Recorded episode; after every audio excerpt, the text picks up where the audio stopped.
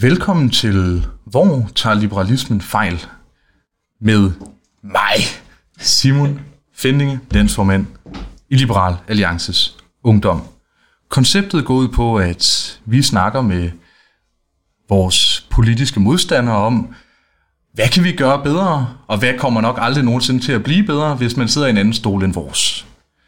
I dag, der har jeg inviteret Jakob Ropsø, og jeg har, jeg har et stort problem med Jakob. Øh, og det er jo, øh, udover at Jakob er en super fin fyr, at, øh, at Jakob jo også er jyde. Og det gør det ekstremt, øh, den første øh, altså radikale vestjyde, måske nogensinde. Så øh, det, det gør det jo ekstremt svært for mig at, øh, at have noget som helst på ham. Men det gør også, at vi starter det her program ud med den venligste samtale, der formentlig kommer til at have været på Dansk Radio og podcast nogensinde. Velkommen til dig, Jacob. Mange tak, mange tak. Og tak, fordi, tak for invitationen og øh, det hele. Og øl, ikke mindst. Jamen selvfølgelig. Jeg, øh, jeg har gjort det til sådan en ting, at uh, hver gang, der, der tager jeg ligesom en, en øl med, der skal, der skal minde folk om, ja, enten hvor de kommer fra, eller et eller andet med deres parti. Og jeg har fået at vide, at uh, det er Royal og uh, Dansk Pilsner, der bliver serveret på, uh, på Aarhus uh, sekretariater til fester osv. Er det nogenlunde, nogenlunde rigtigt? Det er nogenlunde rigtigt, og det skyldes jo, at der er rigtig mange, der øh, vil prøve at sådan sætte et billede op af, at vi ikke kan lide Danmark, og der er vores øh, modstand mod det, det er ligesom øh, DP. Det er altså, i, i, i, det er simpelthen alt, der hedder noget med dansk, det er bare, øh, det, det, altså med undtagelse selvfølgelig Folkepartiet. Ja, lige præcis. Øh, det, er, præcis. det, er, det er det indsat. Nå, men øh, skål, og Skål. tak fordi du vil komme. Selv tak. Nå. Hvordan klarer du corona? Stille og roligt. Jeg har faktisk, altså, jeg har startet corona ud med at købe en Playstation 4. Fandt ud af, at øh, efter tre dage, at det synes jeg egentlig ikke er særlig sjovt at spille. Så solgte jeg den igen. Og øh, nu overvejer jeg at købe en ny. Og jeg vil helt sikkert finde ud af igen, at jeg ikke har lyst til at spille. Men det er sådan nogle underlige tvangstanker, øh, der ligesom sætter sig ind, at jeg skal have noget at bruge tiden på. Men øh, ellers så bor jeg på kollegie, hvilket gør, at øh, jeg ses med, med de mennesker, der man ligesom bor på gang med. Så vi laver ligesom vores egen lille corona-boble, og nu ses jeg så sammen med dig, så jeg skal nok testes bagefter. Jeg er blevet testet lige inden, så... Øh, Ja, det er godt, det er godt. Og det er meget radikalt også der med væl, vælsindet omkring, øh, omkring Playstation, så det er, det er super fedt, at du ikke har forladt rødderne fuldstændigt. Ja, jamen, jeg har overvejet en Xbox og sådan noget. Jeg, altså, jeg står lige lidt midt imellem. Ej, Xbox, det er vel, det er vel mere sådan alternativet, altså. Det er, det, det er jo sådan set bare radikale, der vælger ting, folk ikke bryder sig om. Åh, oh, ja. Men ellers, altså, corona er lort, men jeg synes egentlig, det går okay lige for tiden. Man har vel lidt vendet sig til det, og man har bare valgt sådan at sige, seriøst, altså fuck mig, og øh, så får man nogle notifikationer omkring, hvor mange der har fået sygdom hver dag, og tænker, det går da egentlig meget godt, skal vi ikke tage videre? Ja, og et, øh, et tal, man jo et, ingen anelse har om, altså, hvad, hvad betyder. Altså, hu- 139 smittet med corona i Ishøj. Ja. Nå, jeg ved ikke, om det er mange. Hvor stor en procentdel af befolkningen er det? Altså, jeg, jeg, har, jeg har bare lært, at jeg er ekstremt glad for procenttal, og at medierne tilsvarende ikke er det. Så det er jo fantastisk Jamen, det, er, det er virkelig irriterende, det der med, at de ikke bruger flere procenttal. Fordi altså, jeg kommer også fra skærm, hvis der var 149 smittet, så var det en ret stor procentdel. Det ved jeg ikke, om det er i Ishøj. Jeg ved ikke, hvor mange der bor der. Det er overhovedet heller ikke her. Jeg tror aldrig, jeg har været i Ishøj. Altså, jeg ved, Helle Thorninger derfra har arbejdet i, i Bilka derude også, øh, stået i grillen. Øh, behendigt valgte selvfølgelig at undlade at nævne, hendes far var, var direktør, og de boede i en dejlig villa derude, men altså, hvad gør man ikke for at være en del af arbejderklassen? Mette Frederiksen har lavet lidt det samme ude i Aalborg, hvor hun står for taget billeder med sociale boligbyggerier i, øh, i baggrunden. Det man så ikke lige kunne se, det var, at hun boede i et villakvarter 200 meter i baggrunden. Ja, selvfølgelig, selvfølgelig. Jamen altså, det er jo... Man må bare erkende om Socialdemokraterne ikke, de er sgu bare klogere end os. De er gode til at sætte det der billede. Og selv når de bliver opdaget i det, så er det som om, at de bare tvinger medierne til ikke at skrive om det. Selvfølgelig. Altså, man har jo ikke lyst til at lægge sig ud med, øh, med Mette, som hun vidste så behendigt hedder på Instagram. Åh ja. Nå, men jeg har jo inviteret dig, øh, altså, fordi du er jo, du er jo vores midtersøgende pangdang. Og der er jo ligesom nogle spørgsmål, vi skal igennem, så vi lige kan finde ud af, hvad delen er, der, der er gået galt for liberalismen venstre i nedsmeltning, altså LA er heller ikke sådan helt op på tocifret, øh, jo hvis du tager decimaler med, øh, i, øh, i, i meningsmålingerne. Så vi prøver at finde ud af, hvor det egentlig er gået galt. Du kan se mig som sådan en form for polster, der lige finder ud af, hvad synes folk egentlig om os. Og det vigtige spørgsmål lige at få afklaret. Hvorfor, hvorfor er du ikke liberal? Hvorfor er det ikke dig, der sidder her i min stol? Jamen, øhm, jeg er jo ikke udelukkende liberal i hvert fald. Vi øh, har snakket om det her før, jo, men jeg er jo socialliberal. Det betyder ikke, at jeg er mere social, end jeg er liberal eller omvendt. Det er bare fordi, det lyder bedst at sige socialliberal i stedet for liberal-social. Det, øh, det er lidt en underlig sammensætning. Men, øhm, men jeg er ikke liberal, lige så vel som jeg ikke er udelukkende socialist, fordi jeg simpelthen ikke tror på de der yderpunkter.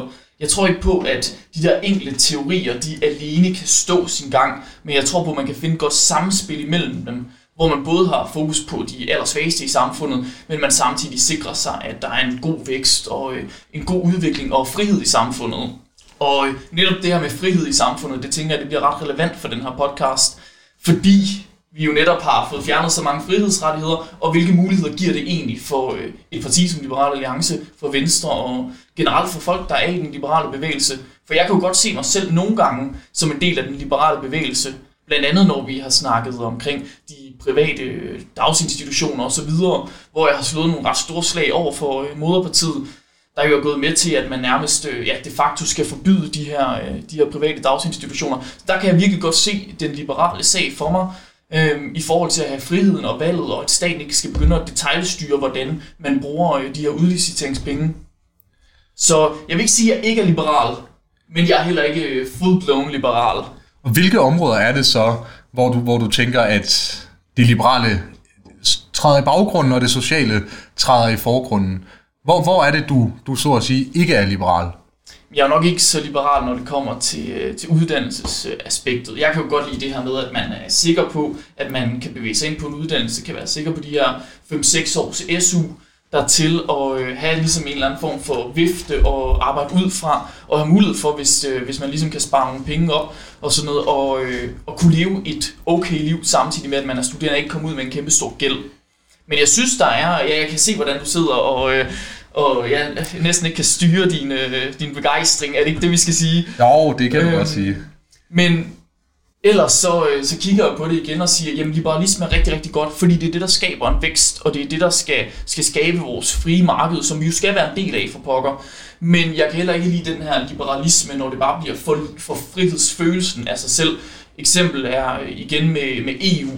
Jeg er jo kæmpestor EU-tilhænger, fordi øh, over en femtedel af alle jobs i Danmark kommer igennem vores samarbejde med EU. Vi tjener vildt mange penge på vores samarbejde med EU, men man vil ligesom hvis du går i den fulde liberalisme, trække sig væk fra det her europæiske fællesskab, netop fordi det vil indsnævre nogle frihedsrettigheder for Danmark i sig selv i forhold til noget selvbestemmelse. Jamen, det er jo sjovt, du, du netop nævner det, fordi der er jo, hvad kan man sige, der er jo forskellige grene af liberalismen. Vi har også øh, den, øh, hvad skal vi sige, øh, EU-orienterede venstrefløj, øh, stjernefløjen, om man vil, i, øh, altså i, i, i vores parti, som er meget EU-begejstret, så har vi selvfølgelig også øh, den, den rabiate opposition, som, øh, så, altså, som synes selv, EF var et dårligt koncept. Så vi, altså, det spænder også ret bredt. Det jeg er lidt nysgerrig på er, hvad er det så, når du tager stilling til ting? Altså, som liberal, det er jo, det er jo dejligt nemt. Altså, vi har et paradigme at, at se verden ud fra.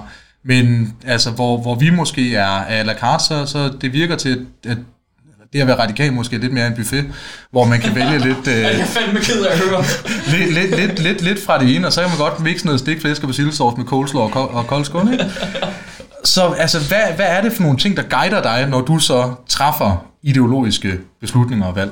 Jeg har lidt lyst til at starte med at sige banæs sauce, men, øh, men, øh, men det er fandme også klamt i en buffet egentlig, så det lader vi være med. Men, øhm, men nej, det der sådan guider mig, det er, det er muligheder. Det er sådan helt grundlæggende, og det kan jo godt gå ind under en frihedsaspekt også, men det er sådan, hvordan sørger vi for, at hver enkelt borger i Danmark, uanset hvor du kommer fra, uanset hvordan dit ophav er, får flest mulige, får flest mulige muligheder øh, i sit liv, og få flest muligheder for faktisk at kunne bevæge sig i den rigtige retning. Øh, dermed ikke sagt, at jeg øh, vil prøve at forvære nogens muligheder samtidig med at forbedre nogle andres, fordi det synes jeg egentlig ikke rigtig hænger sammen. Men det er den samtale, der nogle gange bliver taget op for et meget socialistisk synspunkt, at man skal ødelægge noget for nogen, for at folk ligesom kan stå lige. Altså man skal gøre det, gøre det dårligere for dem, der har en god økonomi og en, et godt socialt netværk. Det skal man ligesom prøve at forvære, for at de andre, dem der så sidder nede i bunden, kan få en lille bitte smule mere. Det synes jeg ikke hænger sammen. Det handler om, at vi grundlæggende skal skabe nogle vækstmuligheder, som sikrer, at vi som samfund kan have flest mulige muligheder. Hold da op, det bliver... Øh... Ja, det er, det er en ren tongue twister, mm. men altså, det lyder jo sådan lidt utilitaristisk. Det, altså, det, det du snakker om der, det er jo, det er jo Pareto-optimalitet, altså man optimerer indtil, indtil det begynder at gå ud over andre. Men hvis vi nu kigger sådan bredt i samfundet, kan man ikke snakke om, at at, at man allerede fra det øjeblik, man begynder for eksempel at, at bede folk om at, om at betale skat, det kunne også være mere skat, mm. ikke topskat, til, til folk, at man allerede der reducerer nogens muligheder for at forbedre andres. Hvor er, hvor går den grænse? Bare det ikke, fordi jeg beder dig om en eller anden ja. skattesats, men, men hvor går grænsen? Fordi til enhver tid vil det at indkræve skat fra nogen jo stille dem værre, og omfordelingen vil jo nødvendigvis være at stille nogen dårligere og nogen bedre. Ikke, nød, altså ikke nødvendigvis, hvis du indkræver en skat fra folk, så vil du også kunne optimere deres muligheder ved at sige, at det kan godt være, at du ikke skal betale. Altså, jeg betaler jo ikke særlig meget skat for pokker. Jeg tror, jeg betaler 500 kroner i måneden, øh, og så har jeg lille løn ved siden af, hvor jeg også betaler skat. Men, Simon altså, Fending Holding betaler, betaler heller ikke skat. Nej, nej, ja, det, det, det, jeg, jeg, jeg, jeg, tør, ikke i Danmark. Jeg tør jo sige her, at jeg kun betaler de der 500 kroner min SU. Det ved, det ved alle, der er på SU, at det er det, man gør jo. Men jeg tør sige det her, fordi det er næsten et hedersbevis at betale så lidt som muligt i skat. Men øhm, men nej, det der med, at jeg som studerende betaler meget lille skat, men jeg til gengæld har mulighederne for altid at kunne tage til min læge. Øh, jeg kan tage på hospitalet og det ene og det andet, hvis jeg falder og brækker armen eller whatsoever. Men den mulighed, den har jeg altså. Jeg har mulighed for at kunne søge ind på en ny kandidat, og vide, at der kan jeg gå to år øh, med, med den SU, jeg nogle gange gerne vil have. Øh, ja, det er fordi, jeg er på kandidaten. Ja, præcis, to år. Øh, det skulle det jo gerne tage. Det tager mig nok lidt længere, men, øh, men det er sådan en anden side af sagen. Men den mulighed, og den frihed bliver skabt af, at vi betaler en eller anden form for skat. Så kan vi altid diskutere som skattetryk og sådan noget. Jeg er også imod topskat. Øh, fordi jeg mener, der er, der er sådan to grundlæggende ting ved det. De er ikke rigtig økonomisk mening. Det er mere sådan en misundelsesskat, hvor man skal sikre sig, at folk ligesom har det lige, og det er den der sociale ulighed, som man er bange for stiger for meget. Jeg tror netop, at man faktisk kunne hjælpe den sociale ulighed ret meget ved at få hævet, jeg tror det ville hæve nogle af dem forbundet op med, med flere jobmuligheder. Øhm, og så er der også hele spørgsmål omkring, hvad er egentlig retfærdigt at skulle betale i skat? Er det retfærdigt at betale over 50% af det, du tjener? Det synes jeg jo ikke. Men, øhm, men jeg synes stadig, at vi skal have, have en nogenlunde progressiv skat, men jeg synes lige præcis, topskatten, den hæver det for meget. Så øhm, jeg synes, altså skat er, oh, det er farligt at sige her, men skat er en god ting, synes jeg, men til en vis grænse. Fordi der kommer et tidspunkt, hvor det netop går ud over flere, end det går godt for. Ja, og det, det, det jeg bliver lidt nysgerrig på, det er jo netop, hvor du siger, altså, at at man får noget tilbage fra skatten, men der vil vel altid være nogen nærmest fra, fra tidspunkt 0, som ikke gør, altså hvis du nu er, er fra en meget velhavende familie for eksempel, så, altså, så 1% du betaler i skat, får du ikke nødvendigvis tilbage i de modydelser, om ikke andet også fordi du vil have penge til for eksempel at gå på privathospital, eller på privat skole, eller, eller noget andet privat. Så der vil vel nødvendigvis altid være nogen, som betaler mere, end de får tilbage. Eller, eller regner du med, at når alle kyler, kyler noget i potten, så, øh, så, så, bliver, så bliver suppen god nok til, at, at alle har lyst til at smage alligevel? Jeg tror jo i bund og grund, der er sådan en grundlæggende forståelse af, at man egentlig gerne vil, vil støtte en, en eller anden form for et socialt net, øh, øh sikkerhedsnet. Åh, oh, det lyder socialdemokratisk, det er jeg ked af, venner. øhm, Kammerater, tror jeg, det hedder. øhm, men nej, der er, der er jo sådan en grundlæggende forståelse af, og det tror jeg, at 95% af danskerne det er løst sat. Øh, det kan I godt overvise mig om noget andet senere. Men 95% af danskerne vil gå ud og sige, okay, jeg vil egentlig gerne betale noget skat for at sikre, at min nabo eller dem, der bor i den anden ende, anden ende af landet, det her lille bitte land, vi jo nogle gange er, øh, vil have mulighed for også at kunne sende deres børn i et øh, nogenlunde tilbud i en øh, folkeskole, vil have mulighed for at kunne øh, give dem et til, godt tilbud igennem sociale ydelser.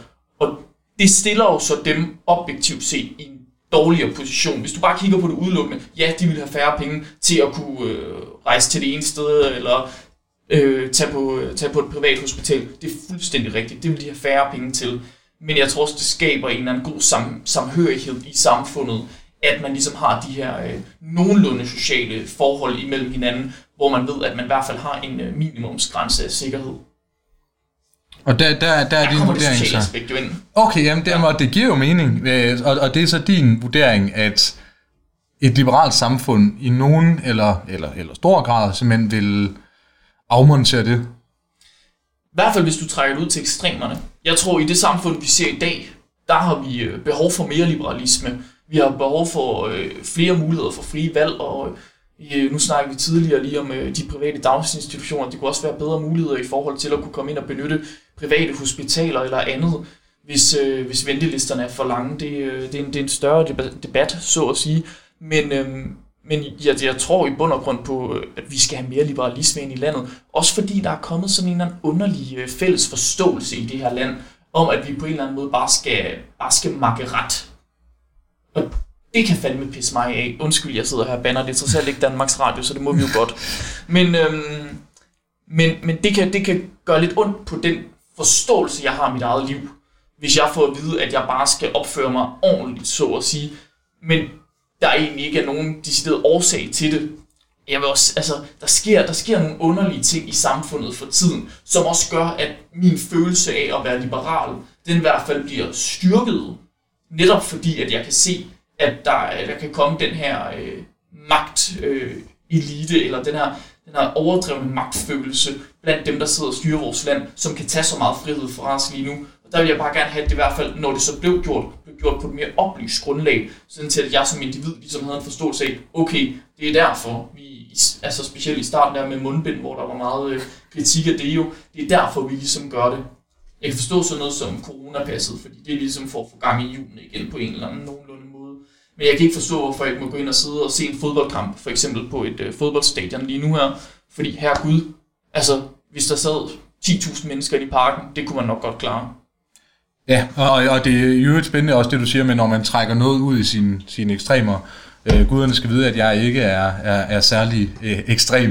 Øh, så jeg, jeg synes, det er spændende også, fordi at, at vi har jo, øh, ikke nødvendigvis os to, men, men her forstået som, øh, som lav, har jo også en tolkning at der skal være et sikkerhedsnet. Vi er jo heller ikke, altså, vi er jo heller ikke anarkister, men det er netop et spørgsmål om, hvor, hvor det her det her sikkerhedsnet, det går. Jeg, jeg, jeg tænker vel ikke, det at lægge dig over i munden og sige, at, at der har du et lidt mere, skal vi sige, pragmatisk syn på, på sikkerhedsnettet, og en lidt mere, skal vi sige, fra gang til gang analyse, mm. hvor, hvor, hvor, hvor vi som liberale måske har en lidt, lidt hårdere guideline, øh, og måske kan man argumentere for, øh, kan være mere båret af ideologi. Og grunden til, at jeg, jeg siger, som jeg gør, ligger jo i, at, at der er jo nogle meget klare og meget fremtrædende liberale ideologer, altså John Locke, Adam Smith, alle dem her, de har egentlig været i, i, i mange århundreder, men socialliberale ideologer, det er jo svært at pinpointe.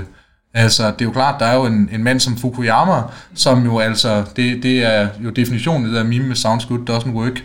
Øh, hans, altså hans drøm, der, der vedblev at være lige præcis det, en drøm. Det, det jeg er, er lidt nysgerrig på også er, nu er du formand for RU og har vist en gang også snakket med nogen inde på borgen og sådan noget. Det er mit indtryk, du måske har et adgangskort og kan komme ind og, og drikke, drikke pils med dem, der er spændende. Ikke for tiden. Det altså, der er ikke så mange, der er ikke så mange fadøl, der er heller ikke. Nej, okay, ja, det, det, det, det, det er så rimeligt nok. Det er også, altså, det er også derfor, jeg tænkte, du, du måtte jo næsten være, være tørstig, ikke? Ja, det er det. Øhm, men hvordan står du så på det, dit, dit moderparti har gjort? Og jeg, jeg tror ikke, jeg tager munden for fuld, når jeg siger, at det er jo en, en venstredrejning, det der i hvert fald er sket over de sidste, lad os sige, 10 år gavmildt sat. Altså, hvor ser du måske, at radikale er blevet enten for liberale eller for sociale? Nu nævnte vi det her med, øh, med de private daginstitutioner tidligere, og det er typisk den, den, den sådan måling, jeg tager ud fra. Fordi spørgsmålet om det giver mening, det man gør. Og det giver ikke mening for mig for eksempel at sige, at man ikke må øh, som en privat institution trække overskud ud af de penge, der bliver tilført. Øhm, netop fordi, at det, det, det er statslig udlicitering, så skal staten ikke gå ind og detaljstyre, hvordan hver enkelt krone bliver brugt. Så det er et eksempel på, hvordan jeg ligesom mener, at der er blevet lavet en, øh, lavet en større, øh, større venstredrejning i mit parti.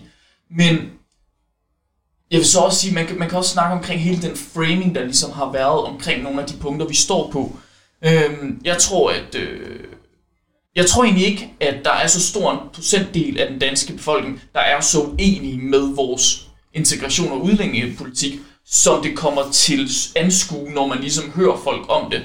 Og det er fordi, vi har været for dårlige til at frame det. Vi var for dårlige til at acceptere, at ja, der er nogle problemer, vi skal komme med nogle løsninger på det. Havde vi gjort det, så tror jeg også, vi havde stået et andet sted i hele debatten i dag. Fordi det er blevet en...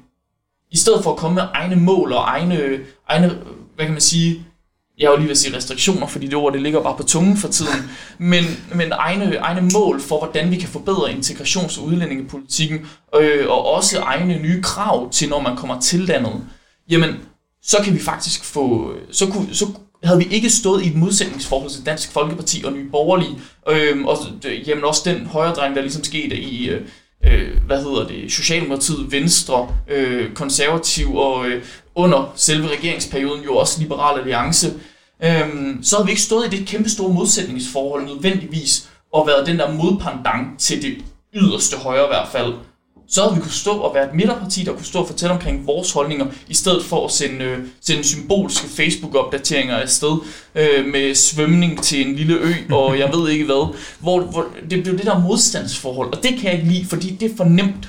Og fair nok, man gerne vil have, nogle, øh, have, have, have et procent ekstra stemmer eller et eller andet i, øh, i meningsmålingerne og det ene og det andet, fordi det giver god holdmoral, og folk støtter også op, når det går godt. Men hvis det ikke er den hvis vi bliver betragtet som noget andet, end hvad vi egentlig er og hvad vi mener. Fordi jeg synes da godt, man kan stille nogle krav til de mennesker, der kommer til Danmark. Jeg synes da godt, man kan stille krav til, at de integrerer sig, de får et arbejde. Øhm, så kan man snakke omkring selve den støtte, der skal være, når de kommer hertil. Men målet må ligesom være, at de skal tjene deres egen penge, og de skal sådan kunne sørge for sig selv. Og så synes jeg egentlig heller ikke, at der er den helt store årsag til at skulle smide ud, medmindre man laver hård vold eller andet, uden at være, altså mens man for eksempel er asylansøger, så skal du selvfølgelig, så skal du selvfølgelig ikke være i Danmark. Men, øhm, men det, det, det, det er sådan nogle holdninger, der er gået glemmebogen for radikale.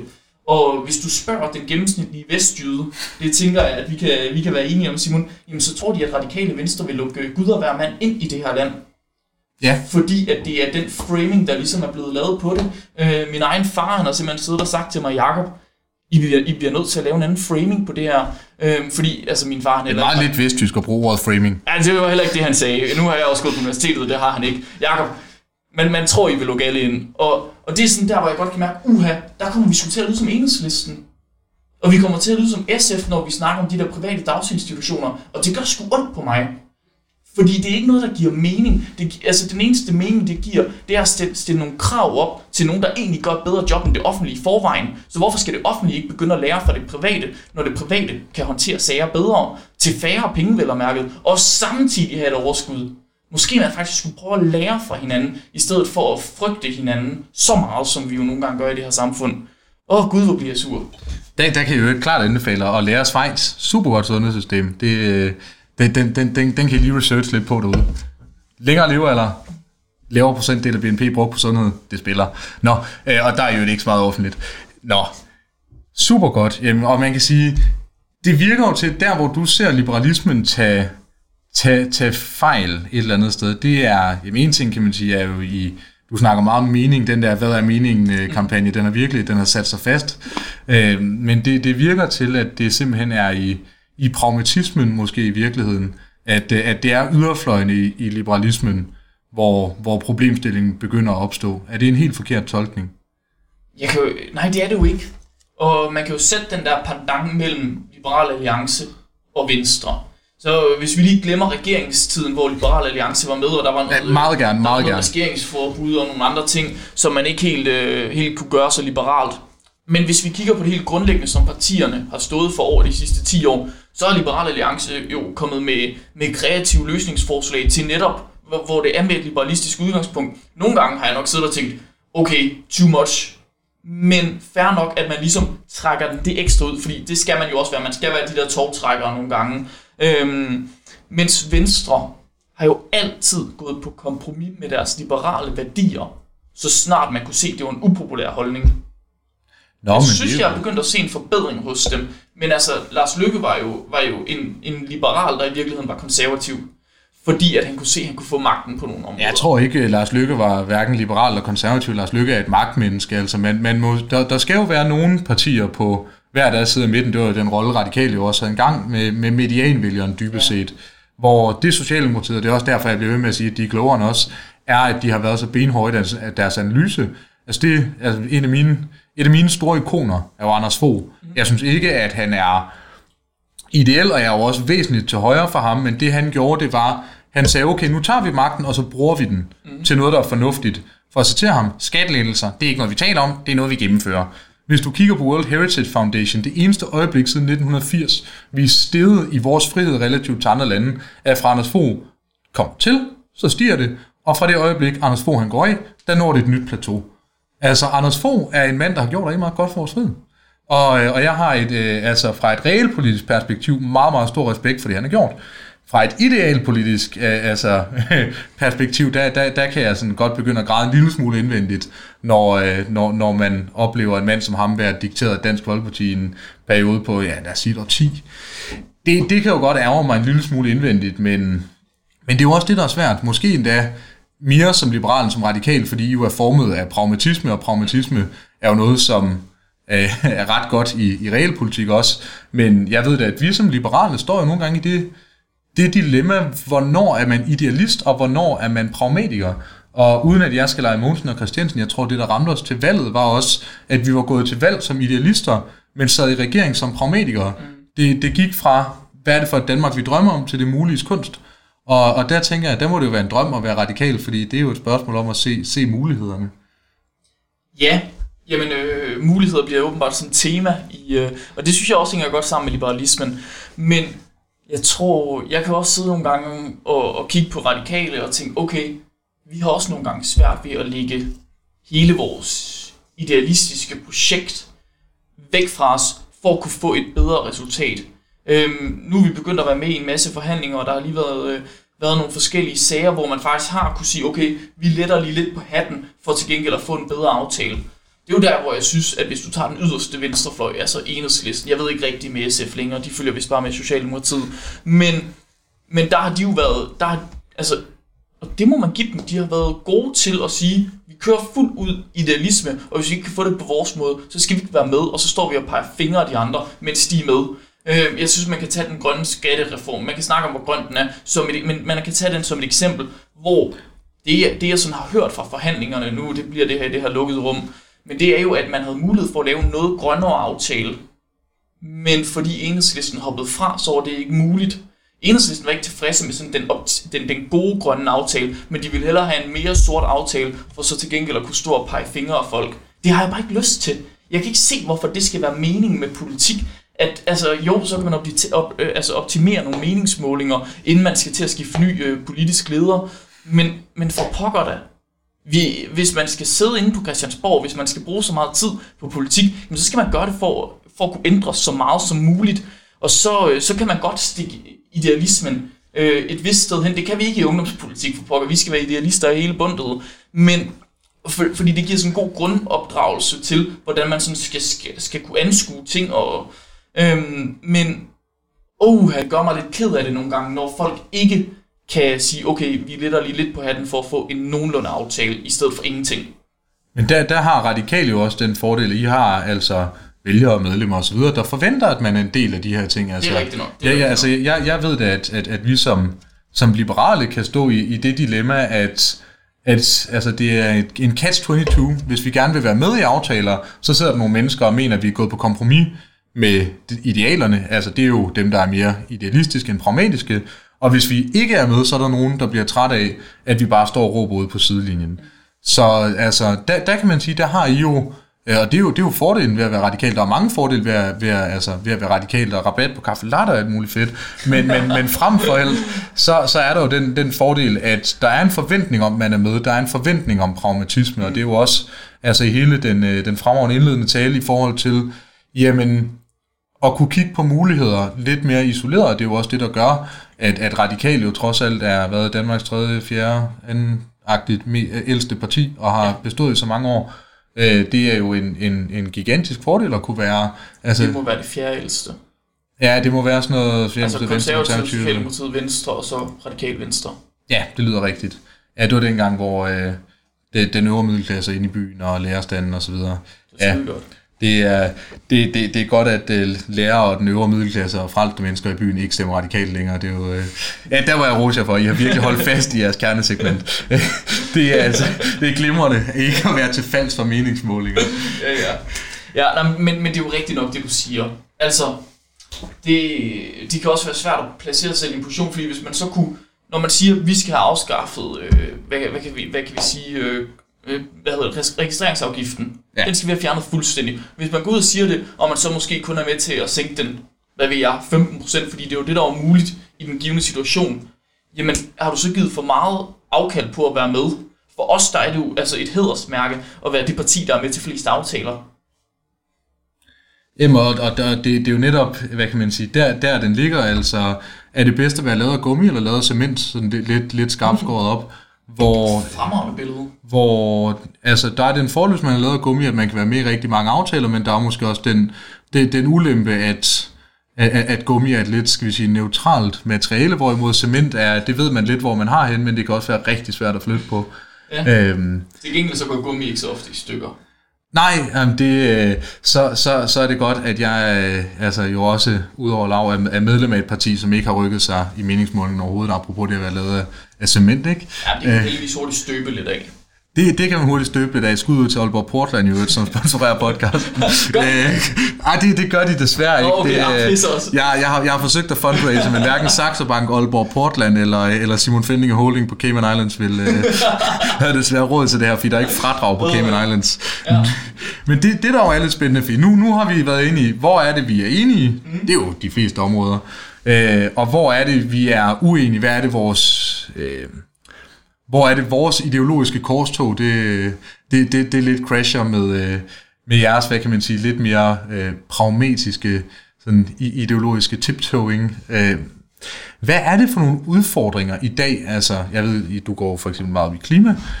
Hvad er det for nogle udfordringer, liberalismen ikke kan svare på i dag? Det er jo sjovt det der med. Altså jeg tror alle tænker at sådan en ungdomspolitisk formand har altid svar på alting. Det forventer jeg, fordi det har, det har jeg. Ja, for Ej, pokker. ja, ja, ja, selvfølgelig, selvfølgelig. Man har altid en holdning til alting. Øh, der vil jeg gerne lige sige igen, når det, kun er, når det kun er os, der sidder her, så øh, jeg har ikke altid holdninger til alting. Men jeg synes jo, hvis du kigger på klimaet, så synes jeg jo faktisk, det er, det, det, er lidt, det er blevet lidt forfejlet i debatten, at klimaet er sat op som om, det er, en, altså det er, en, det er, det er sådan en rød kampscene. Det skal det sgu ikke være, fordi så ender, så, så ender vi med at tabe ret meget af den vigtige politiske debat. Øh, nu har jeg ikke læst jeres udspil, men jeg synes, at det var, det var rigtig fedt, at I ligesom laver et udspil, der både har, øh, har fokus på, på klima og den enkelte kroniker.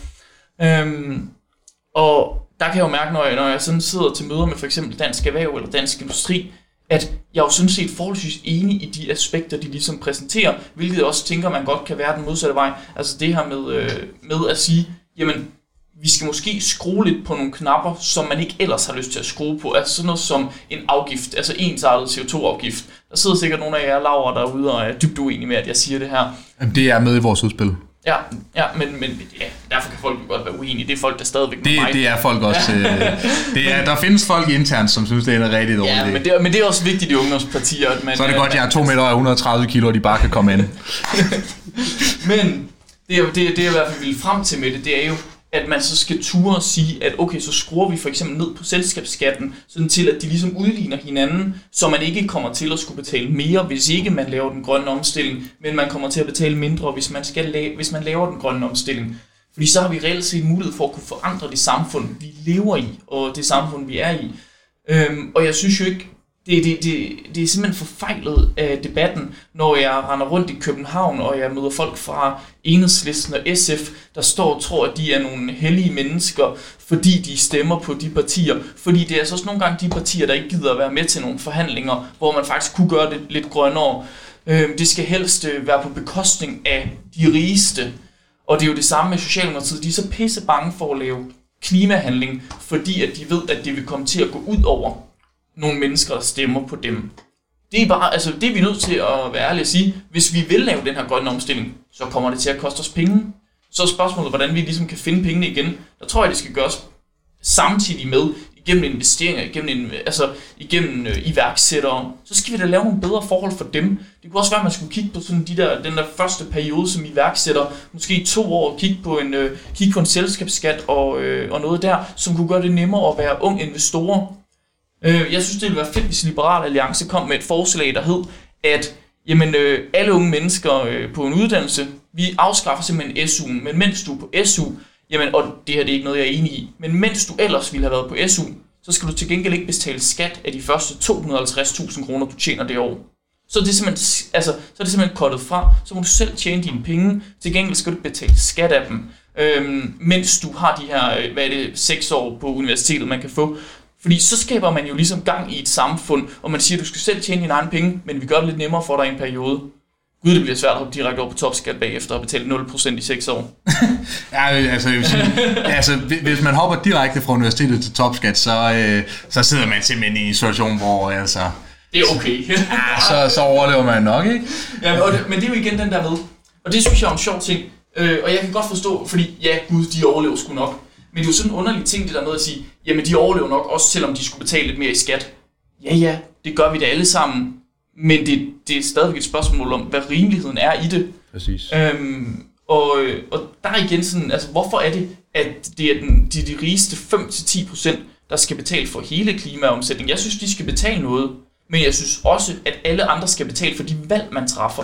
Hvorfor er det, at dem, øh, der bor øh, her, øh, altså nu, nu, siger jeg, nu siger jeg Ishøj, fordi det var lige det, vi var inde på før, jeg er bange for at komme til at skubbe nogen fra mig øh, til sådan en debat her. Men, øh, men hvorfor er det, det er dem øh, i Ishøj, der stemmer socialdemokratisk, der, øh, de skal, have, de, de skal simpelthen ikke have noget negativt ved det. Det, det er da fair nok, at de siger, okay, så er, det, så er det en investering, at vi køber oksekød i aften. Ellers så kan det være, at vi skal købe noget kylling, det er meget billigere, fordi det ikke er lige så forurenende. Det synes jeg er en, er en god mulighed for ligesom at sige, du har det frie valg, men du skal også bare vide, at der er noget, der koster mere end andet. Jamen, og det er jo altså, det er jo også, øh, det, det, det er jo også der, hvor, hvad kan man sige, og det er jo derfor, at, at, at netop det punkt er med, og det er, jo, det er jo noget, der ligger mig meget på sinde, fordi mange af de ting, som har optaget vælgerne, klima, ligestilling og sådan nogle ting, der har vi set lige præcis nul liberale aftryk. Altså, vi har ikke, vi har ikke været der på de dagsordner. Og, øh, og, og der er en masse udfordringer, som det er mit indtryk, at liberalismen kan løse, men hvor vi har simpelthen ikke været gode nok til at præsentere, hvordan vi kan løse det, hvilket også er derfor, vi for eksempel laver et klimaudspil. Og jeg tør også godt garantere, øh, også på lyd, at der kommer flere reformudspil til ting, hvor vi ikke har været gode nok til at fortælle, hvad er det, vi vil. En ting er, hvad er de overordnede ting, fordi jeg tror, de fleste mennesker ude omkring, altså helt ude til Harskovby eller Harskovby, eller hvordan folk nu udtaler det, de ved godt, at, at vi ikke er store fans af topskatten, men, men hvad er det, vi konkret vil gøre? Hvordan vil vi ind og ændre ting? Og det er der, hvor, hvor jeg synes, det bliver, det bliver rigtig spændende, at... Men det er jo igen, altså det er jo en ret spændende debat i forhold til liberalismen, fordi hvad er det egentlig, man tror på i forhold til den økonomiske styring? Er det den her usynlige hånd, eller skal man gå ind og lave nogle, øh, nogle, nogle rammer, der ligesom skal skubbe det lidt på plads? Og der tror jeg nok lidt på en blanding. Igen også, you get the best of both worlds. Ja, du, du, havde, du havde lovet den ville ja, komme. Det er jo, jeg havde det er sindssygt. Du, altså, du i virkeligheden får lov til at nakke min catchphrase, men altså, det viser bare, hvor god en vært jeg er. Øh, ja, jamen, jeg, altså, jeg, jeg sad lige overvejet, om jeg skulle citere Hey Shorty eller et eller andet vanvittigt, men, øh, men nej, det, den får lov at vente. Det kan være sådan en cliffhanger. Jeg lover, der nok skal komme Kato, brænde ned på et eller andet tidspunkt. øh, så kan være, jeg skal tage noget vodka ginseng med på et tidspunkt. Sådan er det. Øh, men men det, det, er jo godt at vide, at vi er nogenlunde enige på, på det, og I har jo været gode til at markere på nogle områder, hvor man bare må sige, at vi har været, og når jeg siger, at vi refererer til liberal i sin helhed, underligt fraværende, fordi det er jo ikke fordi, der ikke eksisterer liberale løsninger, men, men det at vurdere, at folk går nok ikke så meget op i klima, er øh, i bedste tilfælde rigtig, rigtig dårligt vurderet. Men det, det jo også leder hen til, er, hvordan kan vi så få ret? Altså nu, øh, nu har vi jo identificeret, hvor er det, vi tager fejl. Altså, du er jo 50% liberal. Du er Two-Face fra Batman. Altså, det er, du, du er simpelthen, du har været et, et frygteligt uheld, og du har bevaret den, øh, den meget nydelige del i dit ansigt, som seerne vil kunne se. Men, men på den anden side, når, når modlyset kommer, så, øh, så, så, så viser du din onde sociale side. Hvor er det, altså, hvad er det, vi skal gøre for, for at få ret igen? For at komme tilbage og vinde? Blive ligesom AGF. De troede, vi var døde og borte. Men altså, blåhvid er vi af hjertet, og GF er altid bestået. Ja. Jeg sprang lige noget over, men altså, det er jo en kort podcast. Ikke? Ja, det er jo det er rigtigt nok. Det er rigtigt nok. Øhm, jeg, jeg har nu stået op ved de hvide et par gange. Det har været nogle forfærdelige Det tror jeg ikke, man måtte som radikal. Nej, undskyld. Nå, men, øh, nu, nu sad vi jo tidligere og snakkede om Morten Østergaard. Er vel stadigvæk AGF-ambassadør? Han, han, han, han fik nemlig øh, lov at fortsætte ja, som AGF-ambassadør. Ja, så, øh, så det synes jeg er lidt for dårligt, at jeg ikke også kan være. Nej, altså, Men, det, er, det er vildt at være AGF-fan fra Skjern, ja, i så fald. Ja, det, altså, jeg hader bare FC Midtjylland. Jeg holder ikke rigtig med nogen. Ja, men det eneste, der er værd nyrige Sjælland, er jo også som bekendt nyrige jyder, ikke? Ja, det er rigtigt nok. Og I, I bryder ikke om kolonimagter, så jeg kan godt forstå, at FC Midtjylland ikke, ikke er sådan top of mind for dig. Nå, men vi skal snakke omkring øh, de liberale løsninger. Gud, der blev jeg sgu også lige tomt for ord. Jeg havde egentlig siddet og fundet på nogen på forhånd, men øhm, fundet på nogen på forhånd, det lyder sgu også som om man, er lidt, man laller lidt omkring det. Men, øh, men vi sidder også og drikker øl her undervejs. Så, øhm, men, men hvad skal de liberale løsninger være? Nu, nu, nu tænker jeg ikke nødvendigvis i forhold, til, i forhold til klima, men hvordan bliver den liberale kamp vigtig igen? Og jeg tror, på en eller anden måde, man bliver nødt til også at komme med nogle fortællinger omkring, hvor vigtige, altså jeg kunne godt forestille mig, at bare på grund af corona, når det ligesom kommer tilbage, når folk vender sig til at have deres frihedsrettigheder igen, på en eller anden måde, så frem Socialdemokratiet får lyst til at give dem det tilbage til folk på et eller andet tidspunkt, det kunne også være meget nice, øh, skud til med, øhm, så tror jeg også, at folk kommer til at se, okay, vi har behov for en eller anden form for øh, personlig frihed. Vi øh, har sagt, vi er det gode folk, vi øh, makker ret og bliver i vores små lejligheder og kigger på vores små computere og overvejer at købe, bruge nogle dumme penge på en Xbox eller en Playstation, sådan nogle ting, for at, at, at neddæmme alt det her smitte og sådan noget. Men jeg kunne godt forestille mig, at Socialdemokratiet får svært ved at komme op på den positive side. De kan godt lide den her frygthistorie. De kan godt lide det her med, at folk tænker, nu skal vi være bange, nu skal vi ligesom sætte vores penge her. Der skal være nogen, der kan stå i den helt modsatte grav og komme med den her optimisme til folk. Og komme med den her fortælling omkring det frie folk, der har mulighed for at træffe egne valg. Hvorfor er det? Jeg synes jo godt, man kunne køre på der. Hvorfor er det, staten skal have så mange af dine penge? Er du ikke bedre til at bruge dem selv? Hvorfor er det, staten skal have over 50% af dine penge, hvis du får topskat? Er det ikke bedre, du tjener? Eller du, du, du ved, hvad du, hvad du skal bruge dem på selv? Fordi så får, man, så får man ligesom lavet sådan en helt klar modpol til, at det skal være dig, der styrer dit liv, og ikke en eller anden øh, statsminister, der har snakket med Søren Brostrøm, og så øh, gået øh, en mere totalitær vej. Det, altså, jeg synes jo, det store problem, når man kigger ud i samfundet, altså sådan, det liberale demokrati, kan vi, kan vi to godt blive enige om, det synes vi er rigtig fedt. Men, men jeg bliver ofte lidt ængstelig over, hvor, hvor lidt folk virker til at gå op i det. Altså, hvor, hvor, hvor meget folk egentlig negligerer, hvad det er for nogle ting, der sker. Og, og når, altså med, med sådan et marginalt historiekendskab vil man jo også vide, at altså, det, vi kan jo godt sidde og være altså, op på den høje Fukuyama-hest og snakke om, hvor, hvor glade vi alle sammen er for det, men, men det, det er jo noget, som man godt kan tage væk gradvist. Altså det er jo en proces, og spørgsmålet er, hvor meget folk går op i det. Liberalismens fordel er jo selvfølgelig, at i krisetider har folk det med at, at rykke over i en mere øh, fornuftig økonomisk retning. Det så vi også øh, øh, i hvert fald efter, øh, efter korridoren skud ud, øh, og, og hele regeringen, at, øh, at der altså var et, et fokus på, og generelt set over tid har man set, at folk søger til blå blok, når det går dårligt, og rød blok, når det går godt økonomisk. Det er rigtigt nok.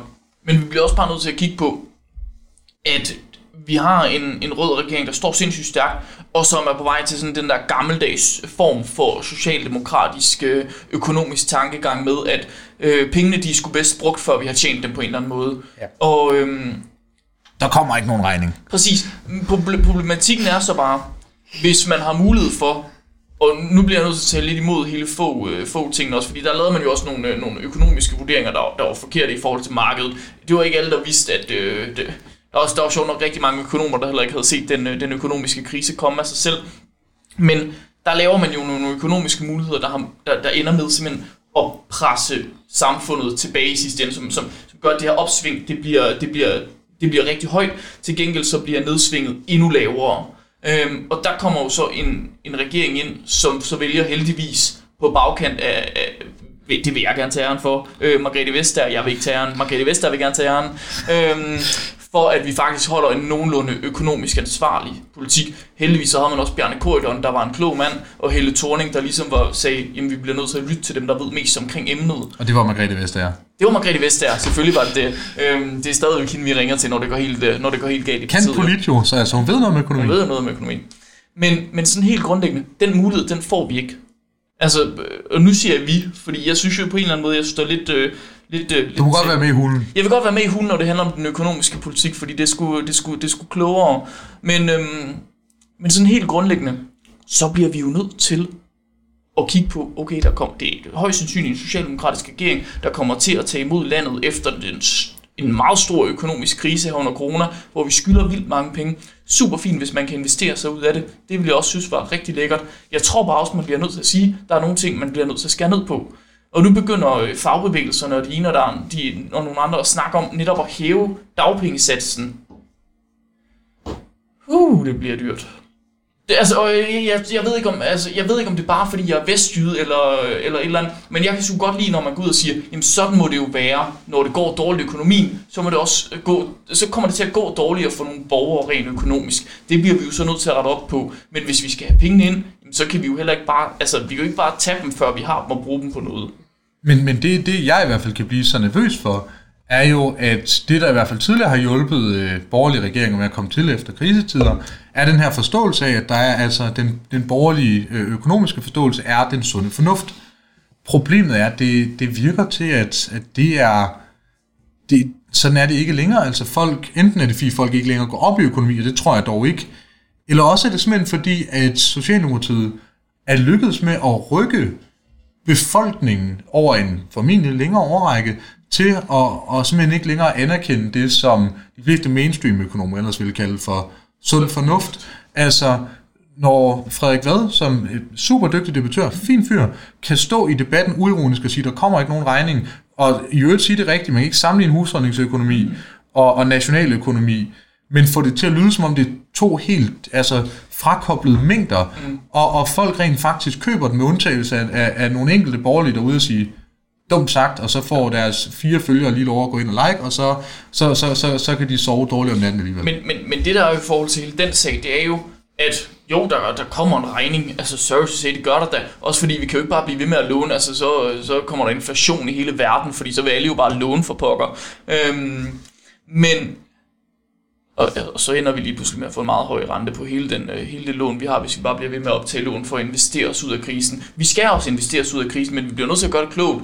Fordi det, der, det jeg kan være bange for, det er jo netop, at vi får en socialdemokratisk regering, der begynder at tage lån til, at, til nogle af de sådan, strukturelle øh, udgifter i samfundet. Altså nogle af de der faste udgifter, vi har igen og igen.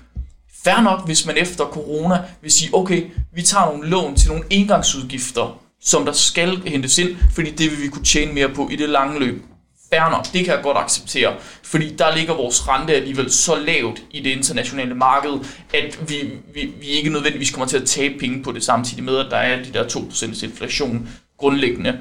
Øh, men vi skal, vi skal til at nytænke økonomi, og jeg kan godt forstå, hvis man sidder som liberal og tænker, okay, altså danskerne bare blevet skubbet, det tror jeg simpelthen ikke. Men danskerne har lukket ørerne for politik. Jeg tror, altså, man så lige i starten af coronaen, politik var fedt, så var politik øh, lige pludselig ikke så fedt længere, fordi det bare blev ved og ved og ved med at være dårlige nyheder. Mette Frederiksen, ja, hende stemmer, øh, hende stemmer vi på i meningsmålingerne, fordi det er hende, der er, der er styrmand lige nu, og det synes vi jo egentlig, hun gør nogenlunde godt, fordi vi havde ikke set de der vogne, vi havde, der var nede i Italien og det ene og det andet. Altså, det er, jo, det, er jo, det er jo der, vi egentlig er i forhold til vælgerne. Folk er jo gået fra en, en forståelse af, at man kan låne til investeringer, til at man også kan låne til forbrug. Ja. Og, øh, og, og det at låne til forbrug generelt set, og der kan man sammenligne nationaløkonomi og mm. privatøkonomi, det er en rigtig dårlig idé, fordi forbrug er jo definitorisk ikke noget, der går væk, og hvis man kender det offentlige bare, bare en lille bit smule, så ved man også, at det jo ikke er nogen, der er super begejstret for at sænke deres forbrug. Og det siger jo meget om Socialdemokratiet, at man kan have med et rejsmand som kandidat, og alligevel ikke har lært noget luksusfælden. okay, det er det sjoveste, du har sagt i, løbet af den her podcast. Ej, men det, det siger heller ikke så meget. Nej.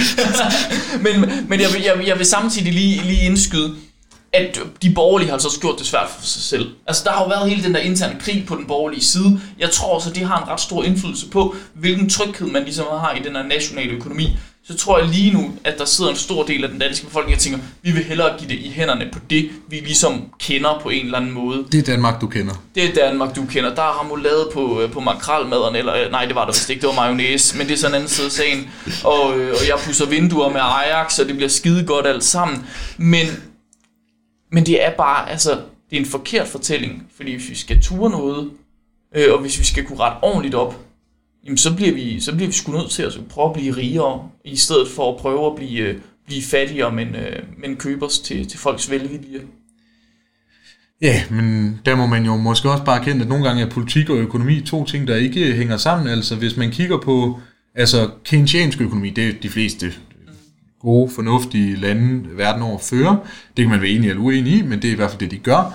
Den kræver, at når det går godt, så sætter, du, så sætter du en dæmper på, og når det går dårligt, så sætter du skruen i vandet igen. Problemet er, at det politiske incitament, når det går godt, til at lægge en dæmper på, eksisterer jo ikke. For det er med svært at forklare vælgere. Nu er der rigtig mange penge. Kunne det ikke være fedt, hvis vi hævede skatten eller sænkede det offentlige forbrug? Det, det, vil, det, det, det forstår folk ikke. Så der er et, et incitament til at bruge penge, når det er gode tider, og bruge penge, når det er dårlige tider. Hvilket er, er relativt meget igen en catch-22. Uanset hvad, så ender du bare med at bruge rigtig mange penge. Og, og det er også... Jeg, jeg tror, altså, selvom man kigger fra enkeltsag til enkeltsag, og man kan sige, at du har fuldstændig ret øh, i forhold til det, det borgerlige Danmarks kollaps i virkeligheden, også fordi man ikke kan blive enige om, hvad der er borgerlighed, hvilket efter min bedste opvisning, og nok også skyldes, at der er rigtig mange på den borgerlige fløj, der godt kunne have gavn af at læse en bog, simpelthen. Se, hvad, altså, hvem, hvem er det, der er bag borgerligheden her? snakker ikke med sådan en fin fransk filosofi, men bare, hvad er det for nogle idealer, det bygger på, at man ikke bare kan hijacke et begreb, der har eksisteret i 300-400 år, og sige, nu det er vores. Nu er borgerlighed noget med bare at smide folk til Grønland i faldskærm. Men, men, altså, ja, det, det er selvfølgelig en god pointe. Øhm, og, og det er jo også, altså Martin Krasnik skrev den geniale leder i Weekendavisen, som, øh, som handler om, at konservativ er dansk politik svar på GameStop. Folk stemmer ikke konservativt, fordi Søren Pape er karismatisk eller kommer med gode løsninger. Han kommer ikke med noget. Altså, jeg, jeg plejer altid, når jeg møder konservative, at sige sådan, okay, kan du komme på noget, Søren Pape har sagt, som ikke handler om sådan strengere straffe? Og de bliver altid sådan, Ah, men du må forstå, at Søren han og I og Søren Pape er rigtig god til at snakke om strengere straffe, derudover så er han rigtig god til at snakke omkring hans ise eller hans hunde. Øhm, og det, ligesom det, Bjarne Ries, bortset fra det, Og det, det er sgu noget, danskerne de godt kan lide, når Venstre de ligger ikke helt og kan finde ud af, hvor de skal være. Jeg tror nu, at når Venstre lige så stille for styr på sig selv, så tror jeg, man også vil se et tilbage, tilbageklasse der. Men det, der jo sådan set er vigtigst, det er jo, at vi tager nogle stemmer fra, øh, fra Socialdemokratiet, fordi det er ikke godt for dem, at de både kan få lov til at være så egenrådige, når det handler omkring beslutningerne, øh, og samtidig se et, en, en, en, en stigning i meningsmålingerne, for det får dem bare til at være mere egenrådige. Fordi hvad, fanden skal, altså, hvad, hvad skal et parti som radikalt jo gøre? Man kan ikke øh, sige, okay, vi trækker, vi trækker os fra regeringen, fordi så kommer der folketingsvalg, hold da kæft, mand. Hvad gør man så? Så, øh, så røg, øh, røg der lige en helvedes masse penge der, og så bliver man nødt til at nytænke hele projektet.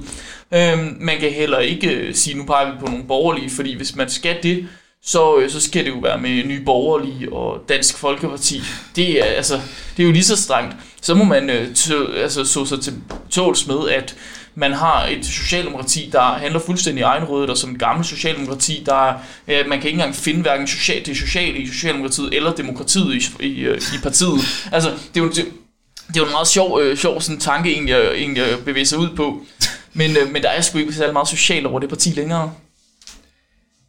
Således opmuntret, så, så kan vi jo konkludere, at løsningerne er, at Jacob Ellemann skal på sig skaldet, øh, at vi skal stjæle nogle vælgere fra Socialdemokratiet. Vi ved ikke, hvordan vi gør, eller hvad vi skal gøre, men forhåbentlig over den her podcast kan vi blive en lille smule klogere på, hvad vi skal gøre for på et eller andet tidspunkt en gang langt ude i den fjerne fremtid måske at få et bare lidt mere liberalt Danmark igen. Jakob, tusind tak fordi du kom. Jeg håber du nød din øl, vi nød dit selskab, og øh, ja, den er ja, tilgængelig online nu, når du hører den, øh, går jeg næsten ud fra.